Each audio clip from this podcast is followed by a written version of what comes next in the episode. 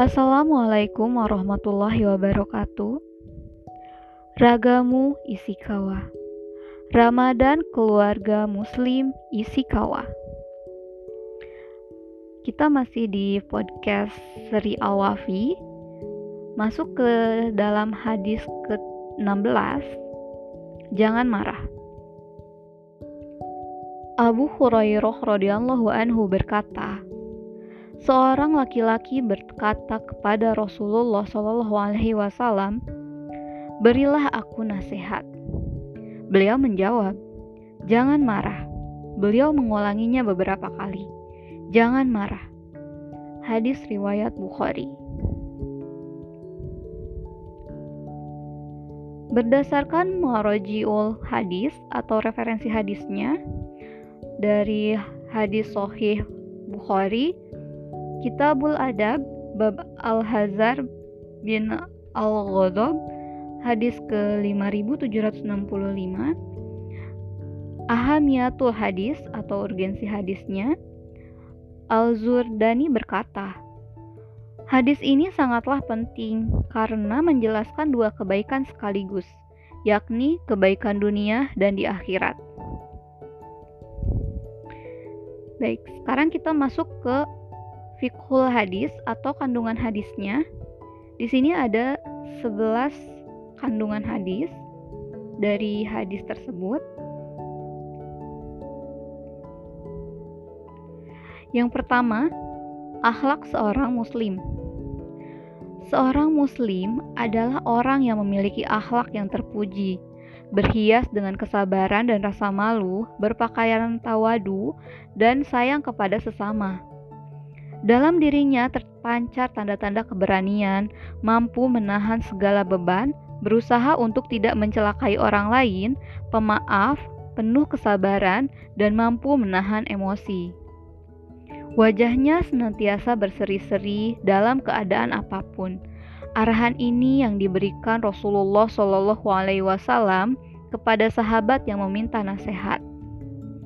Sebuah ungkapan yang singkat dan padat, mencangkup semua kebaikan dan menganulir segala bentuk keburukan. Yang kedua, rindu kepada surga. Pesan Rasulullah Shallallahu Alaihi Wasallam pada hadis tersebut ditujukan kepada penanya yang ingin menempuh jalan ke surga. Dengan meminta nasihat yang singkat agar ia bisa menghafal dan memahaminya. Pesan tersebut adalah La taldo. Jangan marah. Artinya berakhlaklah dengan akhlak yang mulia, akhlak para nabi, akhlak Al-Quran, akhlak yang bersumber dari keimanan. Jika membiasakan diri dengan akhlak ini, bahkan menjadi tabiat dan watakmu, niscaya kamu tidak akan mudah marah dan mengetahui sikap yang mesti diambil.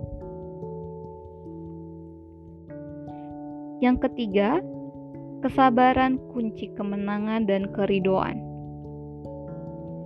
Manakala nafsu dan kekuatan jahat telah bergejolak dan menguasai diri, janganlah kamu menyerah begitu saja, membiarkan diri dikuasai oleh kemarahan, merasa hanya dirimu yang berhak melarang dan memerintah. Lalu kamu melanggar berbagai larangan Allah Subhanahu wa taala. Sebaliknya, bekerja keraslah melawan seraya mengingat akhlak seorang muslim sejati. Sebagaimana disebutkan oleh Allah Subhanahu wa taala dalam surat Ali Imran ayat 133 sampai 134 yang artinya Bersegeralah kamu mencari ampunan dari Tuhanmu dan mendapatkan surga yang luasnya seluas langit dan bumi yang disediakan bagi orang-orang yang bertakwa, yaitu orang-orang yang menafkahkan hartanya baik di waktu lapang maupun sempit, dan orang-orang yang menahan amarahnya dan memaafkan kesalahan orang. Allah menyukai orang-orang yang berbuat kebajikan. Dengan demikian, kamu terbebas dari kemarahan Allah Subhanahu wa Ta'ala dan berhak menjadi penghuni surga yang kekal abadi. Imam Ahmad meriwayatkan bahwa Abdullah ibnu Umar radhiyallahu anhuma bertanya kepada Nabi Shallallahu Alaihi Wasallam, apa yang bisa menjauhkanku dari kemurkaan Allah Subhanahu Wa Taala? Rasulullah Shallallahu Alaihi Wasallam menjawab, jangan marah. Hasan al Basri berkata, empat perkara Siapa pun yang dapat melakukannya, tentulah Allah akan menjaganya dari setan dan menjauhkannya dari neraka, yaitu orang yang mampu menguasai dirinya ketika merasa ingin, merasa ketakutan, ketika birahinya bergejolak, dan ketika marah.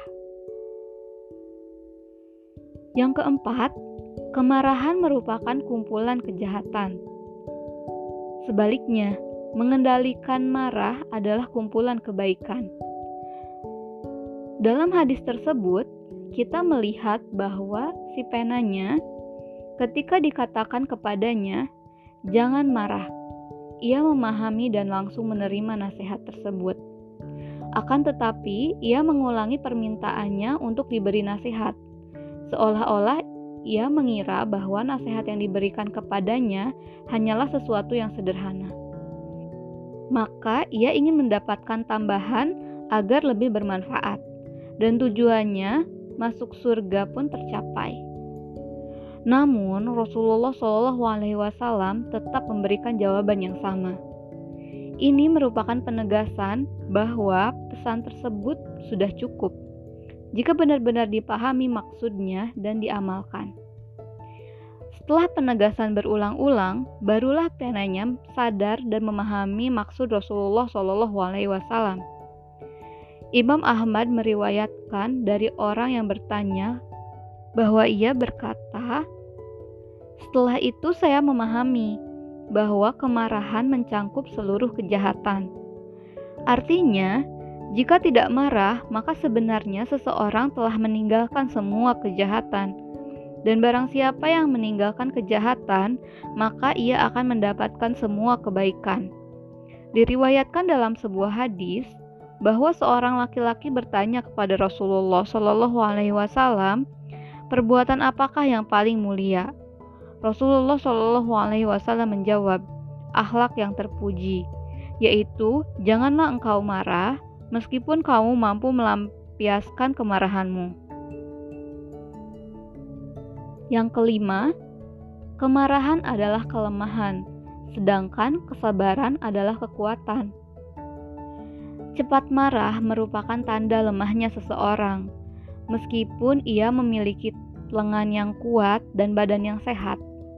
Bukhari dan Muslim meriwayatkan dari Abu Hurairah bahwa Rasulullah Shallallahu Alaihi Wasallam bersabda, "Orang yang kuat bukanlah karena jago dalam bergulat, Orang yang kuat adalah orang yang mampu menguasai dirinya ketika marah.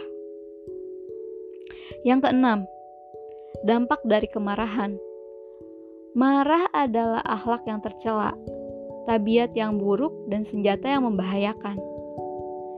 Jika seseorang terperosok ke dalam amarah, maka akan berdampak negatif pada dirinya dan masyarakatnya. Dampak buruk bagi dirinya sendiri ini termasuk dampak negatif yang bersifat fisik, akhlak, dan ruhiyah. Anda yang mudah marah dapat mengetahui hal ini, manakala Anda membayangkan orang yang tengah marah. Warna kulitnya berubah, tekanan darahnya naik, badannya bergemetar, gerakannya kacau, suaranya meninggi, mulutnya mengucapkan kata-kata yang kasar, keras, membentak, mencaci, dan boleh jadi mengucapkan kata-kata yang diharamkan, dan terkadang bisa mengeluarkan seseorang dari Islam. Sebagai contoh, mengucapkan kata-kata kufur, kata-kata yang bertentangan dengan agama, dan lain sebagainya. Ditambah lagi, perilakunya yang gegabah, menghambur-hamburkan uang, dan menyakiti diri sendiri. Kemudian, ada juga dampak negatif bagi masyarakat. Marah akan melahirkan rasa iri dan dendam. Yang selanjutnya, jika mayoritas penduduknya bukan Muslim, akan mengakibatkan diusirnya kaum Muslimin dari negeri itu. Bahkan, senang terhadap musibah yang menimpa kaum Muslimin. Dengan demikian, permusuhan dan kebencian menjalar di antara teman sejawat. Silaturahim antar kerabat menjadi putus, sehingga kehidupan menjadi rusak dan masyarakat menjadi hancur. Kemudian, yang ketujuh, mencegah kemarahan. Marah merupakan tabiat dan bawaan manusia. Akan tetapi, seorang muslim yang senantiasa berhubungan dengan Allah Subhanahu wa taala akan berusaha semaksimal mungkin untuk tidak marah, yaitu dengan cara menjauhkan semua perkara yang dapat menimbulkan kemarahan dan berusaha meredam jika kemarahan telah meledak. Penyebab kemarahan ini di antaranya sombong, merasa tinggi hati, membanggakan diri, menghina orang lain, banyak bercanda, suka berdebatan, melakukan perkara-perkara yang sebenarnya tidak bermanfaat, ambisi untuk harta dan kedudukan yang lebih. Seorang muslim dianjurkan untuk menjauhi akhlak-akhlak yang tercela dan mendidik dirinya dengan akhlak-akhlak yang mulia. Kemudian untuk mencegah marah ini, yang pertama kita bisa melatih jiwa dengan akhlak yang terpuji, yaitu sabar, lemah lembut, tidak tergesa-gesa dalam segala hal, dan lain sebagainya. Teladan kita dalam hal ini adalah Rasulullah SAW. Ketika Zaid bin Sa'na sebelum masuk Islam mendatangi beliau dan menagih hutang yang belum jatuh tempo dengan sikap yang sangat kasar, tetapi beliau menghadapinya dengan senyum dan sabar. Bahkan beliau melarang Umar yang menghardik laki-laki tersebut dengan berkata, "Hai Umar, aku dan dia tidak membutuhkan sikap seperti itu. Lebih baik engkau menyuruhku melunasi hutangku dan menyuruhnya menagih hutang dengan baik." Setelah itu beliau melunasi hutangnya, bahkan jumlahnya melebihi hutang semula sebagai imbalan dari hardikan yang diterima dari Umar. Akhirnya, sikap Rasulullah SAW ini menjadi penyebab masuknya Zaid bin Sa'nah ke dalam Islam. Cara yang kedua, dengan mengingat-ingat dampak dari marah. Keutamaan mereda marah dan keutamaan memaafkan orang yang berbuat salah. Allah Shallallahu Alaihi Wasallam berfirman dalam surat Ali Imran ayat 134 yang artinya dan orang yang bisa meredam marah dan memaafkan orang lain. Dan Allah mencintai orang-orang yang berlaku ihsan. Imam Ahmad, Abu Dawud, Tirmizi, dan Ibnu Majah meriwayatkan bahwa Rasulullah SAW bersabda, Barang siapa yang menahan amarah dan ia sebenarnya mampu untuk melupakannya, maka pada hari kiamat kelak ia akan dipanggil Allah di hadapan semua makhluknya. Lalu ia disuruh memilih bidadari yang ia inginkan. Dalam riwayat Ahmad tersebut disebutkan, tidaklah seseorang menahan amarah karena Allah, kecuali rongganya akan dipenuhi keimanan. Dan dalam riwayat Abu Dawud disebutkan, Allah akan memenuhi perutnya dengan ketenangan dan keimanan. Cara yang ketiga adalah dengan ta'awuz. A'udzu billahi minasyaitonirrajim. Allah berfirman dalam surat Al-A'raf ayat 200 yang artinya dan jika engkau ditimpa godaan setan maka berlindunglah kepada Allah. Sesungguhnya Allah Maha Mendengar lagi Maha Mengetahui. Imam Bukhari dan Muslim meriwayatkan bahwa dua orang laki-laki saling mencaci di samping Rasulullah Shallallahu Alaihi Wasallam. Salah satunya mencaci saudaranya sambil marah hingga wajahnya memerah. Maka Rasulullah Shallallahu Alaihi Wasallam bersabda, "Sesungguhnya aku mengetahui satu kalimat, Andai ia ucapkan, tentulah kemarahan yang mereka alami akan hilang, yaitu A'udzubillahi minasyaitonirrajim. Aku berlindung kepada Allah dari kejahatan syaitan yang terkutuk. Yang keempat, dengan cara mengubah posisi. Imam Ahmad dan Abu Dawud meriwayatkan bahwa Rasulullah Shallallahu Alaihi Wasallam bersabda, jika seseorang di antara kalian marah dan ia berdiri, maka duduklah, karena kemarahan akan hilang. Jika belum hilang, maka berbaringlah. Hal itu dikarenakan posisi berdiri lebih mudah untuk meluapkan dendam. Lain halnya dengan duduk ataupun berbaring. Cara selanjutnya dengan menghentikan bicara. Karena dengan tetap bicara, sangat mungkin kemarahannya bertambah, atau ia mengucapkan perkataan yang akan ia sesali setelah kemarahannya reda.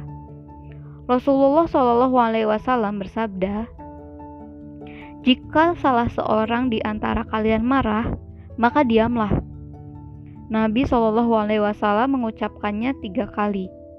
Hadis riwayat Imam Ahmad, Tirmizi, dan Abu Dawud. Kemudian, cara yang terakhir dengan cara berwudu. Karena pada dasarnya, kemarahan adalah api yang membara dalam diri manusia. Maka air akan memadamkan api tersebut. Rasulullah Shallallahu Alaihi Wasallam bersabda, Sesungguhnya, kemarahan pada dasarnya adalah bara yang sedang membakar di dalam hati anak Adam. Hadis riwayat Imam Ahmad dan Tirmizi. Wudhu juga merupakan ibadah dalam rangka zikrullah atau mengingat Allah yang akan membuat setan yang sedang menyalakan api amarah pada diri seseorang lari dan bersembunyi. Rasulullah Shallallahu Alaihi Wasallam bersabda, Sesungguhnya amarah itu dari setan, dan setan diciptakan dari api. Jika seseorang di antara kalian marah, maka berwudulah. Hadis riwayat Ahmad dan Abu Dawud. Baik, sekarang kita masuk ke pembahasan yang ke-8 dari hadis tersebut. Marah karena mencari keridoan Allah. Marah yang harus dijauhi oleh setiap muslim adalah marah yang didasari dendam dan bukan untuk membela ajaran Allah Subhanahu wa taala. Adapun marah untuk membela agama Allah, maka marah seperti itulah adalah marah yang terpuji. Allah berfirman dalam surat At-Taubah ayat ke-14 yang artinya, Perangilah mereka, niscaya Allah akan menghancurkan mereka dengan perantaraan tangan-tanganmu dan Allah akan menghinakan mereka dan menolong kamu terhadap mereka serta melegakan hati orang-orang yang beriman. Dan dalam riwayat Bukhari disebutkan bahwa Rasulullah Shallallahu Alaihi Wasallam lebih pemalu daripada gadis dalam pinangan.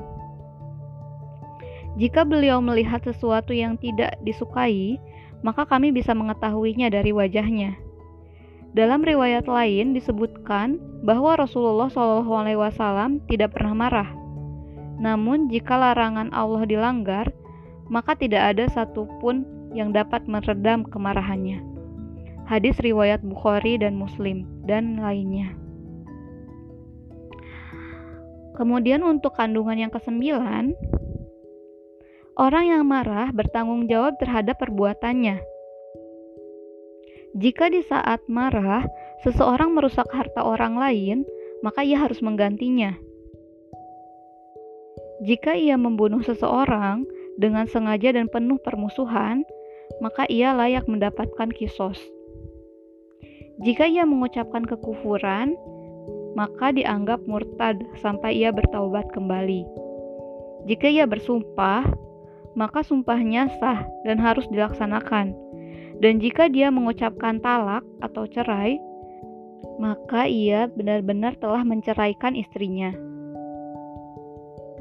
Yang ke-10, hadis ini mengisyaratkan semangat yang tinggi seorang muslim untuk selalu mendapatkan nasihat, mengetahui sisi-sisi kebenaran, dan senantiasa menambah pengetahuan dengan ilmu yang bermanfaat.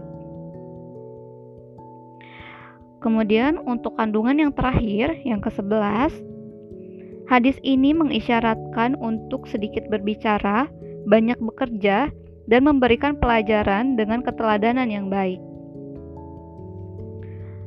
Baik, mungkin sekian untuk podcast kali ini. Semoga bermanfaat.